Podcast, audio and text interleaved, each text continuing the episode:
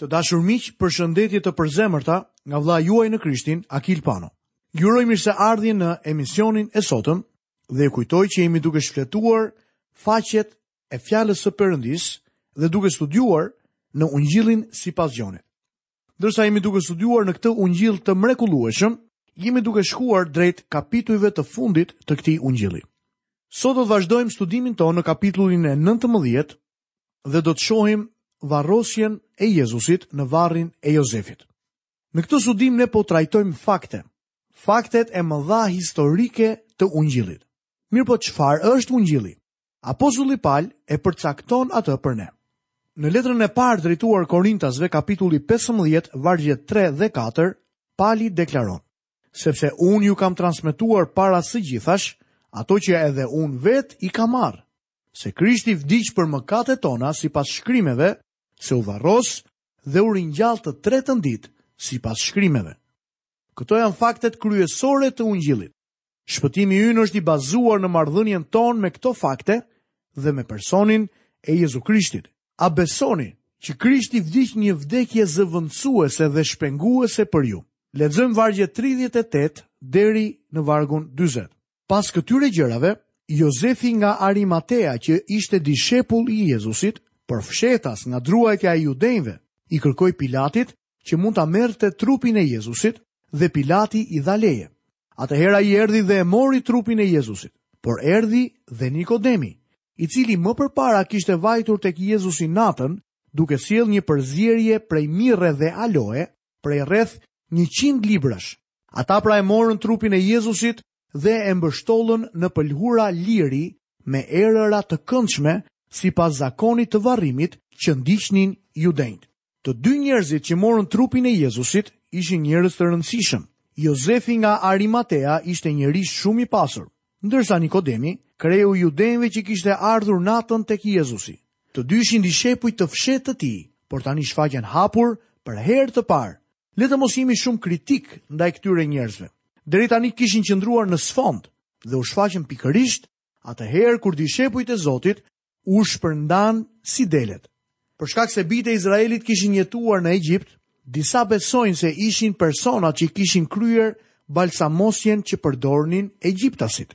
Bijtë e Perëndisë, në Dhjatën e Vjetër, ashtu sikurse edhe në Dhjatën e Re, besonin se trupi ngrihej sërish, mbillet në prishje dhe ngrihet në paprishje, mbillet në dobësi dhe ngrihet në fuqi.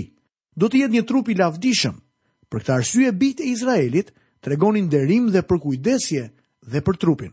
Judenjtë kishin zakon që të përdornin gjysmën e peshës së trupit me erëza Kështu që mund të hamendësojmë që Zoti Jezus duhet të ketë peshuar rreth 90 kilogram. Ata duhet të përgatisnin trupin duke e lyer me mirrë dhe aloe dhe pastaj e mbështillnin me pëlhura prej liri. Kjo do ta vuloste dhe ruante nga ajri. Ata do ta fillonin mbështjelljen e një gishti dhe kështu do të vazhdonin me të gjitha pjesët e tjera të trupit. Me fjalë të tjera, e mbështollën trupin e Zotit Jezus si një mumje. Tani Gjoni përmend veçanërisht që ata e mbështollën trupin me pëlhurat e lirit duke përdorur erëza, sepse ky ishte një detaj i rëndësishëm për të.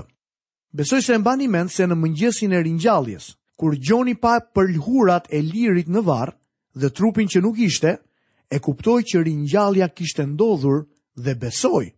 Lexojmë vargun 41 dhe 42. Por në atë vend ku ai u kryqëzua ishte një kopësht dhe në kopësht një varr i ri, në të cilën ende nuk ishte vënë askush. Aty pra për shkak të përgatitjes së judenjve, e vunë Jezusin sepse varri ishte afër. Ata duhej të nxitonin sepse Pashka po afrohej, kështu që nuk e mbaruan plotësisht procesin e balsamosjes. Kjo shpjegon arsyen pse gratë sollën më tepër erëza dhe planifikuan të kujdeseshin për trupin e Zotit pas ditës së festës, të dielën në mëngjes herët. Kjo na tregon në kapitullin tjetër të lavdishëm, kapitullin e 20 të Ungjillit të Gjonit. Të dashur miq këtu kemi përfunduar edhe kapitullin e nëntëmbëdhjetë të Ungjillit sipas Gjonit dhe menjëherë do të fillojmë studimin tonë në kapitullin e njëzet të këtij Ungjilli. Temat që do të shohim në këtë kapitull, pra kapitullin e njëzet, janë ringjallja e Jezusit, shfaqja e Jezusit Marisë, shfaqja e Jezusit dishepujve dhe shfaqja e Jezusit ndaj Thomait. Ky është kapitulli i ringjalljes i shkruar nga Gjoni. Ringjallja e Jezu Krishtit është zemra e besimit të krishterë. Dikush ka thënë diçka të rëndësishme. Nuk mund të bëjmë shumë për vdekjen e Krishtit, por mund të bëjmë pak për ringjalljen e tij. Kjo gjë po ndodh edhe sot. Librat teologjikë, himnet në kisha, predikimet, të gjitha i përkushtohen vdekjes së Krishtit. Për ringjalljen e Krishtit flitet vetëm në kohën e Pashkës, Ne duhet të vëmë re se predikimet në Dhiatën e Re fillojnë në ditën e Pentakostit dhe kanë si temë kryesore ringjalljen e Jezu Krishtit. Lexojmë në kapitullin e 20 të Ungjillit sipas Gjonit nga vargu i parë. Por ditën e parë, pas së shtunës në mëngjes, kur ishte ende errët, Marie Madalena shkoi tek varri dhe pa se guri ishte hequr nga varri. Ditën e parë pas së shtunës, domethënë të dielën. Maria Madalena shkoi tek varri. Kur ndryshoi dita e shtunë, dita e Sabatit? Kjo pyetje bëhet shpesh nga njerëzit që besojnë që e diela duhet të jetë dita e pushimit dhe e adhurimit. Ajo ndryshoi kur Jezu Krishti u ngrit nga të vdekurit. Gjatë ditës së Sabatit, ai ishte i vdekur. Jezusi u ringjall ditën e diel. Që nga ajo kohë, besimtarët mblidhen së bashku në ditën e parë të javës. Dita e sabatit i përket krijimit të vjetër. Pasi krijoi gjithçka, Perëndia pushoi dhe kjo u quajt dita e sabatit. Tani kemi mbërritur në krijesën e re, në krijimin e ri në Krishtin Jezus. Pentakosti ishte ditë e diel, dita e parë e javës. Është interesant fakti që Gjoni, autori i fundit i ungjijve, thekson që Jezusi u ringjall ditën e parë të javës. Do të ishte e dobishme nëse do të rendisnim në mendjen tonë ngjarjet e mëngjesit të ringjalljes. Dua të citoj diçka nga referencat biblike të Skofildit prej faqes 1043. Tre gra, Marie Madalena, Maria nëna e Jakobit dhe Salomeja, u nisën për tek varri të ndjekura nga gra të tjera që sillnin erëzat. Të tre gratë e gjetën gurin e hequr dhe Maria Madalena shkon t'u thotë dishepujve. Fakte të gjendura tek Luka njëzet e tre pesëdhjetë e pesë dhe njëzet e katër nëntë, Gjoni njëzet vargu i parë dhe i dytë. Maria nëna e Jakobit dhe Jozeut i afrohet varrit dhe sheh ëngjëllin e Zotit. Mateu 28, vargu i dytë. Ajo kthehet për të takuar gratë e tjera që e ndiqnin bashkë me erëzat, ndërkohë që Pjetri dhe Gjoni, të lajmëruar nga Maria Madalena, mbërrijnë tek varri, shikojnë brenda dhe largohen. Gjoni 20, vargjet 3 deri 10. Maria Madalena kthehet duke qarë, shikon dy ëngjëj dhe pastaj Jezusin, i cili e urdhëron të shkojë dhe t'u thotë dishepujve. Maria nëna e Jakobit dhe Jozeut, ndërkohë që kishte takuar gratë me erëzat dhe u kthye bashkë me to, shikon dy ëngjëj, Luka 24 vargu 4 dhe 5 dhe Marku 16 vargu 5. Ato marrin një mesazh ëngjëllor dhe shkojnë të kërkojnë dishepujt por takohen përgjatë rrugës së tyre me Jezusin, Mateu njëzet e tetë, vargjet tetë deri dhjetë. Maria Madalena ishte gruaja nga e cila Zoti Jezus kishte dëbuar shtatë demonë. Disa studiues të Biblës mendojnë se ishte gruaja mëkatare që fshiu këmbët e Jezusit me flokët e saj. por ky është një supozim që nuk mund të vërtetohet. Mendoj se ajo ishte një person me cilësi shumë të larta. Ajo ishte përjetësisht mirënjohëse Zotit për shërimin e saj. Kur pa që trupi nuk ishte atje, vrapoi menjëherë për t'i treguar Gjonit dhe Pjetrit ringjalljen. Lexojmë në vargun e dytë të kapitullit të 20 në Ungjillin e Gjonit. Atëherë rendi tek Simon Pjetri dhe tek dishepulli tjetër, të cilin Jezusi e donte, dhe u tha atyre, E kanë hequr Zotin nga varri, dhe nuk e dimë ku e vunë. Gjoni ishte dishepulli që Zoti Jezus e donte më shumë. Ai i referohet vetes së tij më tepër kështu sesa sipas emrit. Çdo dishepull përveç Judës mund ta përdorte këtë term për veten e tij. Ti madje mund ta përdorësh edhe për veten tënde. Tek letra e Judës në vargun e njëzet e një fjala e Zotit na thotë, Ruhuni në dashurinë e Perëndisë, duke pritur mëshirën e Zotit tonë Jezu Krisht për jetën e përjetshme. Ruhuni në dashurinë e Zotit sepse e dini që Ai ju do. Ti nuk mund ta pengosh Zotin të të dojë. Është e mrekullueshme të zësh atë pozitë ashtu siç Jezusi, dishepulli tjetër të cilin Jezusi e donte, Këtu shohim Simon Pjetrin dhe Gjonin së bashku. Me sa duket Gjoni kishte shkuar të takonte Pjetrin. Disa nga dishepujt e tjerë kur dëgjuan për mohimin e Pjetrit, nuk donin të kishin më miqësi me të. Por lavdi Zotit që Gjoni ishte aty në një kohë kur Pjetri ishte i dëshpëruar dhe kishte nevojë për të pasur dikë pranë. Gjoni, biri i Bubullimës, ishte bërë apostulli i dashurisë. A nuk është kjo e mrekullueshme? Maria Madalena nuk po priste ringjalljen. Ajo mendoi se trupin e Zotit e kishte vjedhur dikush. A nuk ju duket interesant fakti që më vonë krerët fetarë do të akuzojnë dishepujt për vjedhjen e trupit të Zotit dhe se mendimi i parë i Marisë ishte se krerët fetarë mund ta kishin vjedhur trupin e Zotit. Krerët fetarë do të kishin dhënë gjithçka, vetëm që mund të tregonin trupin atë të diel të parë. Lexojmë vargun 3 dhe 4. Atëherë Pjetri dhe dishepulli tjetër dolën jashtë dhe u nisën për tek varri. Rendnin të dy bashkë, por dishepulli tjetër rendi përpara më shpejt se Pjetri dhe arriti i pari tek varri. Simon Pjetri dhe Gjoni nuk po e prisnin ringjalljen. Ata me siguri menduan se Maria ndoshta nuk kishte parë mirë në errësirë. Ajo pa gurin që nuk ishte më tek porta e varrit, u frikësua dhe vrapoi, ose ndoshta shkoi tek një varr tjetër gabimisht, kështu që ata vrapuan për në varreza. Miqtë e mi, ju nuk shkoni në varreza për të kërkuar të gjallin. Ata nuk po prisnin të shihnin të gjallin. Kur vrapuan për tek varri, nuk po prisnin të shihnin Jezusin të gjallë. Ata po prisnin të gjenin trupin e vdekur të Zotit. Dishepulli tjetër ishte Gjoni. Ai ishte një djalë i ri dhe kështu që mund t'ia kalonte Simon Pjetrit në vrap e sipër. Kjo konfirmon gojëdhënën se Gjoni ishte dishepulli më i ri nga të gjithë dishepujt. Jam i mendimit se këta njerëz përfaqësonin një pjesë të epokës në të cilën jetuan. Gjoni ndoshta mund të ketë qenë në adoleshencën e tij të vonë. Lexojmë vargun e pestë. Dhe si u përkul, pa pëlhurat prej liri që ishin në varr, por nuk hyri aty. Ajo çfarë pa e bindi Gjonin se Jezusi ishte ngritur nga të vdekurit. Kjo është arsyeja që mbërriti atje i pari. por për shkak se ishte i përmbajtur dhe i respektuar, nuk hyri brenda.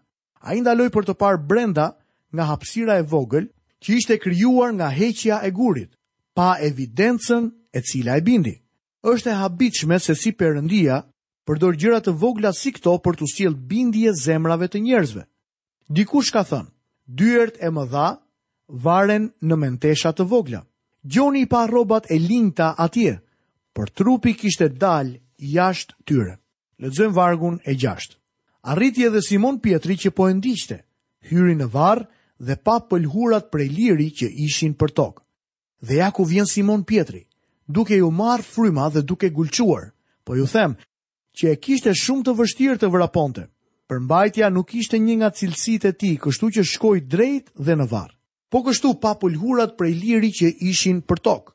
Besoj se e mbani mend që Nikodemi dhe Jozefi kishin mbështjellë me pëlhura të linjta trupin e Zotit dhe e kishin lyer me mirrë dhe aloe, të cilat formojnë një lloj ngjitësi për të vulosur trupin. Si ka mundësi që trupi të dilte jashtë këtij ambalazhimi i çmbështjellë nga gjithë pëlhurat e linjta? Zoti Jezu Krisht doli nga varri në të njëjtën mënyrë sesi del një farë nga toka. Mbani mend se ai tha se një farë gruri bie në tokë dhe mbetet e vetme derisa vdes. Pastaj Filizi i ri do të dalë jashtë saj, por lëvozhga e vjetër e farës mbetet në tokë.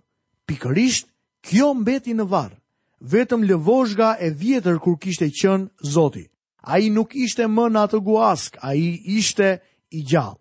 A e mbani mend se edhe Lazari kur u ringjall nga Zoti Jezus, doli nga varri i mbështjellë me rrobat e varrit dhe Zoti u tha atyre që ta çlironin.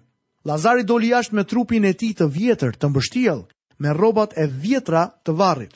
Trupi i Lazarit do të vdiste sërish më vonë, ndërsa i Jezu Krishtit pas ringjalljes kurrë më. Jezu Krishti doli me një trup të ri të lavdishëm që nuk do ta shohë më kurrë vdekjen. Kjo është ringjallja.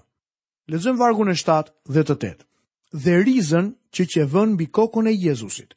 Ajo nuk ishte bashkë me pëlhurat, por ishte e palosur në një vend veç. Atëherë hyri dhe ai dishepull tjetër që kishte arritur i pari tek varri, pa dhe besoi. Perëndia nëpërmjet Gjonit na jep një detaj tjetër të vogël, por të rëndësishëm.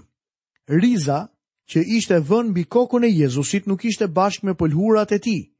Ajo ishte në formën e kokës dhe ishte vënë rreth kokës së tij. Mendoj se kjo gjë e bindi Pjetrin që Zoti ishte ngritur. Në këtë pasazh përdoren tre fjalë të ndryshme greke dhe të treja këto janë përkthyer si shoh. Kjo nuk është një gjetje me vend. Në vargun e 5 kur Gjoni ndaloi dhe pa, kjo fjalë nuk do të konceptohej me kuptimin kuptoj. Përfshin gjithashtu edhe kuptimin më të gjerë, inspektim dhe perceptim. Në vargun e gjashtë, kur Pjetri hyri dhe pa, fjala e përdorur këtu është theaomai, nga e cila ne marrim fjalën teatër. Ai vështroi një pamje. Në vargun e tetë, kur Gjoni hyri në varr dhe pa, nënkupton që ai e pranoi. Ai e pranoi dhe besoi para se të shihte Krishtin e gjallë. Lexojmë vargjet nëntë dhe dhjetë. Ata në fakt nuk e kishin kuptuar ende shkrimin sipas të cilit ai duhej të ringjallej së vdekurish. Pastaj dishepujt u kthyen përsëri në shtëpi. Gjoni na tregon diçka të çuditshme. Këta njerëz nuk e kuptonin pse Jezusi u kishte thënë disa herë se do të ngrihej nga të vdekurit, edhe pse dhjata e vjetër fliste për këtë. Madje edhe sot ne kemi nevojë për dhjatën e re si një lloj llampe elektrike për t'u kthyer dhe për të interpretuar dhjatën e vjetër. Besoj se një nga arsyet pse dhjata e vjetër nuk është shumë popullore është sepse nuk e përdorim mjaftueshëm dhjatën e re për ta interpretuar të vjetrën. Ka shumë njerëz sot që lexojnë Biblën por nuk i njohin disa shkrime. Besoj se ka dy arsye për këtë. Njëra është se ne mund të lexojmë një pasazh disa herë dhe çdo herë shohim gjëra që nuk i kemi parë më parë. Shpirti i Shenjtë na jep një kuptim apo një dritë të mëtejshme të re ndërkohë që studiojmë dhe lexojmë pasazhet herë pas here. Me sa duket Maria është e para të cilës iu shfaq Zoti. Gjenden 11 shfaqje të Zotit para ngjitjes së tij në qiell dhe 3 pas ngjitjes së tij. Mendoj se ne mund të hamendësojmë nga teksti se ka pasur edhe të tjera të cilat nuk janë shpjeguar. Për çdo situatë mund të gjendet një proverb, Për të gjithë ata që pyesnin se pse Jezusi iu shfaq së pari Maria Madalenës, dua t'ju jap një varg nga Proverbat tetë, shtatëmbëdhjetë i cili thotë, Unë i dua ata që më duan, dhe ata që më kërkojnë me kujdes më gjejnë. Kjo grua e kërkoi Krishtin herët atë mëngjes. Lexojmë vargjet njëmbëdhjetë deri pesëmbëdhjetë. Por Maria kishte mbetur jashtë varrit dhe po qante, dhe duke qarë u përkul brenda varrit.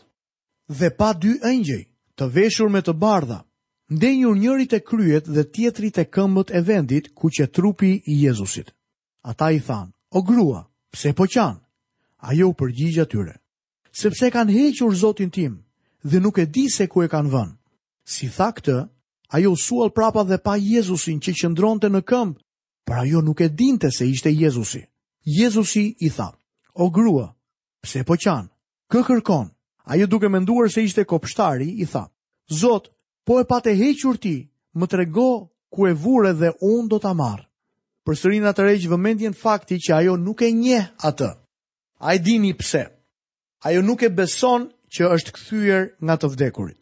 Mosbesimi është i verbër dhe memec, si në rastin e Zakarias.